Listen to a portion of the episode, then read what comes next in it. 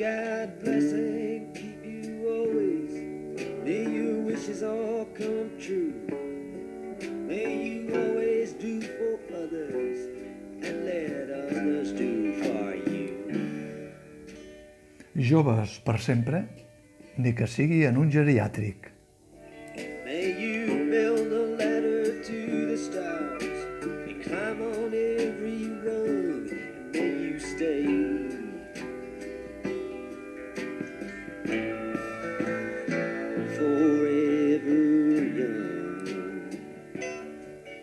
Tornat Forever Young per fer honor al seu lema. Joves per sempre. Doncs això, han passat 11 anys des d'aquella estrena que va representar un impacte en el teatre musical i d'humor, però també per l'ambientació del guió original en un espai social aleshores força oblidat i fins i tot desconegut per a molts, el de les residències d'avis, avui, malauradament, a primera línia del debat polític i social arran de la crisi del coronavirus que s'hi va acarnissar. El geriàtric de Forever Young és una residència especial, destinada a actors, actrius, músics, cantants i gent del ram artístic. I, com fa 11 anys, continua mirant endavant, almenys el 2050, que ara ja no és tan lluny com aleshores. Fa il·lusió mirar-se al mirall del futur, però també fa pànic, que no faltin ni la ironia ni l'humor negre. I aquell, i aquell altre, i el de més enllà, i els del tricicle. Tots són morts. Només queda Jordi Hurtado. L'espectacle arriba amb un repartiment renovat del tot, amb l'actriu Mercè Martínez, afortunadament encavalcant un espectacle darrere l'altre, de T'estimo si he begut a Forever Young i d'aquí, la temporada vinent, a Golfos de Roma, sempre rigorosament adaptada al paper que li cau en gràcia, com a infermera del geriàtric amb l'avantatge que els seus solos són moments musicals que s'esperen i s'agraeixen. I continuen les picades d'ullet a moments d'actualitat, amb un popurri musical que promou l'esclat d'aplaudiments més sonat quan hi ha miniàries de Joan Manuel Serrat o de Jaume Sisa. I poden passar els anys, però el llegat i la memòria de Pepe Rubianes, present en cendres dins una urna damunt el piano, es manté viu. Reviso la crítica feta 11 anys quan deia que un científic nominat al Premi Nobel de Física, que treballa entre Castelldefels i Múnich, especialitzat en la física quàntica, diu que d'aquí a molt poc temps podrem viatjar al futur en un plis-plas. El musical Forever Young d'Eric Gedeon, nascut a Berna, Suïssa, el 63, no és un espectacle de física quàntica. En tot cas, és molt físic pel que fa als intèrprets, però ja practica aquest salt al més enllà, tocant a l'esmentat any 2050, per espetegar a la cara dels espectadors més joves i els més afortunats en longevitat quina pot ser la seva destinació final. Som en un geriàtric, residència d'avis en llenguatge més paternalista, i la mitja dotzena d'interns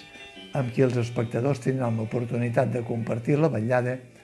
són tots belles glòries de les arts escèniques. I la música. Una infermera en posat de casernària s'encarrega de portar els sis pendons a la sala, que caminen tantinejant i amb problemes la majoria, i que tenen força dificultats per esquivar un esglaó de la porta d'entrada. Un piano buit espera el que farà de pianista i unes butaques antigues i un sofà, prèviament ben airejats amb un esprai perfumat per la mateixa infermera, esperen també els sis convidats. Breu retrat robot, una exindignada i perroflauta amb el malgeni a flor de pell, un ex-hippie, últim exemplar de l'espècie, una ex-diva teatral, un ex-fura dels baus que es va tipar de rebentar carrosseries, un ex-actor, parella de l'ex-diva, i el pianista, amb problemes de respiració. Tots plegats aguanten els exercicis d'entreteniment amb els quals la infermera intenta mantenir-los a ratlla i només engegar amb una composició d'escola bressol, que hacen les manitas, original del mateix autor de l'espectacle, la platea en ple ja no deixarà d'esclatar en riallades a tot drap, de les més sonores que s'hagin sentit mai per aquests barals escènics en els últims temps. La candidesa que aparentment té l'espectacle i la part de llàstima que provoca la progressiva degradació física camí de la bellesa, s'afegeixen al subconscient de cadascú que no pot evitar de veure-s'hi reflectit. Si el món encara és món d'aquí uns anys i les retallades socials no han fet ras i curt de les guarderies d'avis, en cadascuna de les caricatures que representen els sis protagonistes. Superat, però, aquest primer ensurt emocional, un es deixa anar inevitablement i sense escrúpols i, com tothom, acabarà rient-se dels pobres vells de l'escenari i de qui els vetlla. I aquí pau i allà glòria, i algú s'abullirà l'últim. El trio directiu de l'espectacle, Carla Sanz, Joan Gràcia i Paco Mir, de Tricicle, han posat particular cullerada en una adaptació que compensa la versió castellana, de fet hi ha molt poc text, només l'imprescindible, amb picades d'ullet a fets locals i amb alguns moments en català, tant parlats com cantats. Això, que sempre toca la fibra sensible, juga a favor de l'espectacle i aconsegueix un resultat exultant, que es transmeten aplaudiments espontanis i una complicitat dels espectadors en segons quines escenes quan entren en el registre no només de l'humor tricicle, malgrat que l'autoria és suïsso-alemanya, sinó que també toquen de resquilló el gènere del clown. Només es pot dir que els sis avis ex-artistes,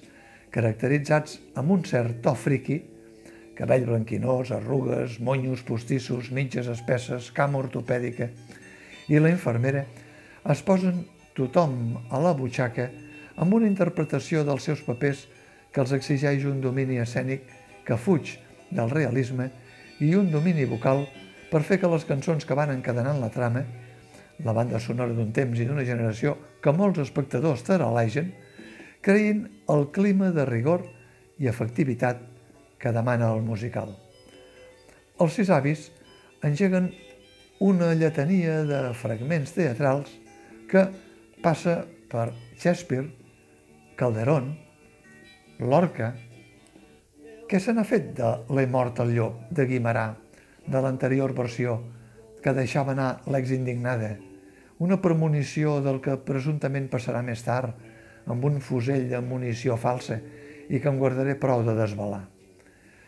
Una guitarra, un pal de golf, un intent d'estriptis d'en peus en una butaca, una escena romàntica de Romeu i Julieta, una explicació de l'ex indignada rememorant com un conte el seu temps de joventut vivint uns mesos dalt d'un arbre per evitar l'especulació d'unes finques, el passat de les gires de l'ex hippie, una baralla que acaba cops entre dos dels personatges i una sèrie d'estris que van apareixent no se sap ben bé d'on, un xerrac, una antiga maleta de màgia i, en un subtil homenatge pòstum, com esmentava abans, una urna blanca damunt el piano que no acabarà gaire bé, amb el que representa que són les cendres del malaguanyat actor Pepe Rubianes. Una hora i tres quarts d'un espectacle que, al llarg de les diferents escenes, ofereix un collage de petits trossos de peces, com paraules d'amor de Serrat o qualsevol nit pot sortir el sol de Cise, al costat de, si no erro el playlist de memòria, amb l'ajuda en part de l'anterior versió, I Got You Baby, de Bono, I Love Rock and Roll, de Hooker Merrill, Buenasera Signorina, de Sigmund de Rose, Barbie Girl, de Delgado Diff Nuren, You Can Leave Your Head On, de Newman, I Will Survive, de Fecaris Perren, entre algunes altres, tant de composició original de l'autor Eric Gedeon, ja sigui en forma de popurri, o en interpretacions solistes, sense que hi falti, és clar la que dona títol a l'espectacle, Forever Young, d'Andreas Büdi i Wolfgang Luss. En conjunt, una festa teatral de bon humor, sense precedents aquí, amb un tricicle a l'ombra disposat a mantenir-se subtilment en actiu